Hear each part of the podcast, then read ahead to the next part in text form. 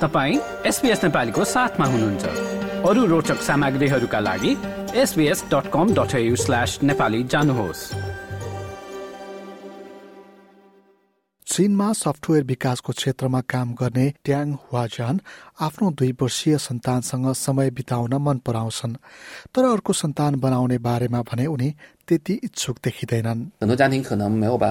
For many families, the grandparents are either too old or too far away, so they have to hire nannies to take care of the kid. This means that the cost would be really high even when the child is very little. So, this is one of the main reasons people don't want to have children. Another reason is that many of us get married very late, and it's hard to get pregnant at this age.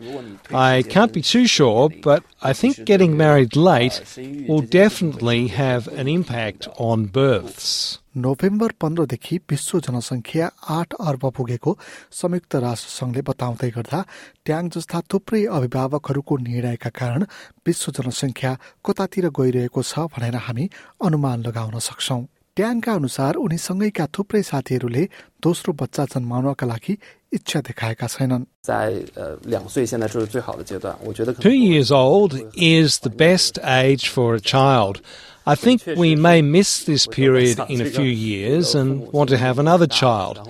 However, if we take into consideration the fact that our parents are getting older and at least one of us would have to make the sacrifice and stay home to take care of the baby, so we will wait and see. बाल हेरचाह केन्द्रहरू निकै महँगो पर्ने र सन्तानको रेखदेखका लागि आफ्ना आफन्तहरू पनि टाढा बस्ने भएकाले चीनमा धेरैका लागि बच्चा पाउन इच्छा नदेखाउने कारण मध्ये यो पनि परेको छ। चीनले सन् उन्नाइस सय अस्सीदेखि दुई हजार पन्ध्रसम्म एक सन्तान नीति अप्नाएको थियो ट्याङ र उनकी पत्नी एङरान पनि उनका आमा बाबुका एक्ला सन्तान हुन् एङरान दोस्रो बच्चा पाउने बारेमा त्यति धेरै नसोचेको बताउँछिन्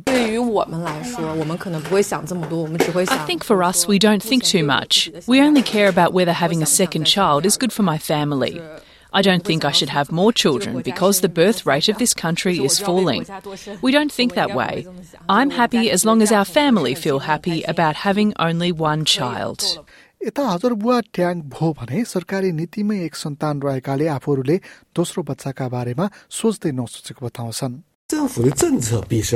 When it tells you to have only one child, you can only have one child. You are not allowed to think something else. So we are used to it. The government policy is very important. ट्याङ ट्यानपिन र उनकी श्रीमती लियाङ जिमिनले आफ्ना छोरा बुहारी काममा व्यस्त हुँदा नातिको ख्याल राख्ने काम गर्छन् 基本上就是说很听政府和党的话的。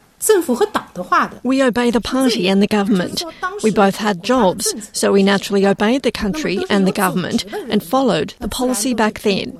Nowadays, the economy has grown rapidly since the opening up and reforms. People's incomes have increased greatly. The mankind has progressed. Of course, we all want our children to succeed, so everyone needs to make plans and arrangements when they decide to have a child. संयुक्त राष्ट्रसङ्घको अनुमानका अनुसार चीनको जनसङ्ख्या आगामी वर्षदेखि खुम्चदै जानेछ जसको कारण भारत विश्वको धेरै जनसङ्ख्या भएको मुलुकमा पर्न जानेछ।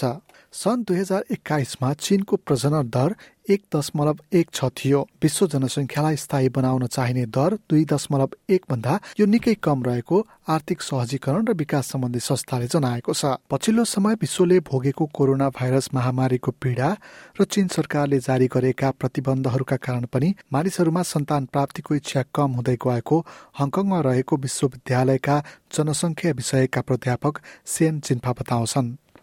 Yes, I think uh, the China's population is at the moment is in the a turning point. We can say because population growing growth is actually being stabilized, is almost zero growth rate.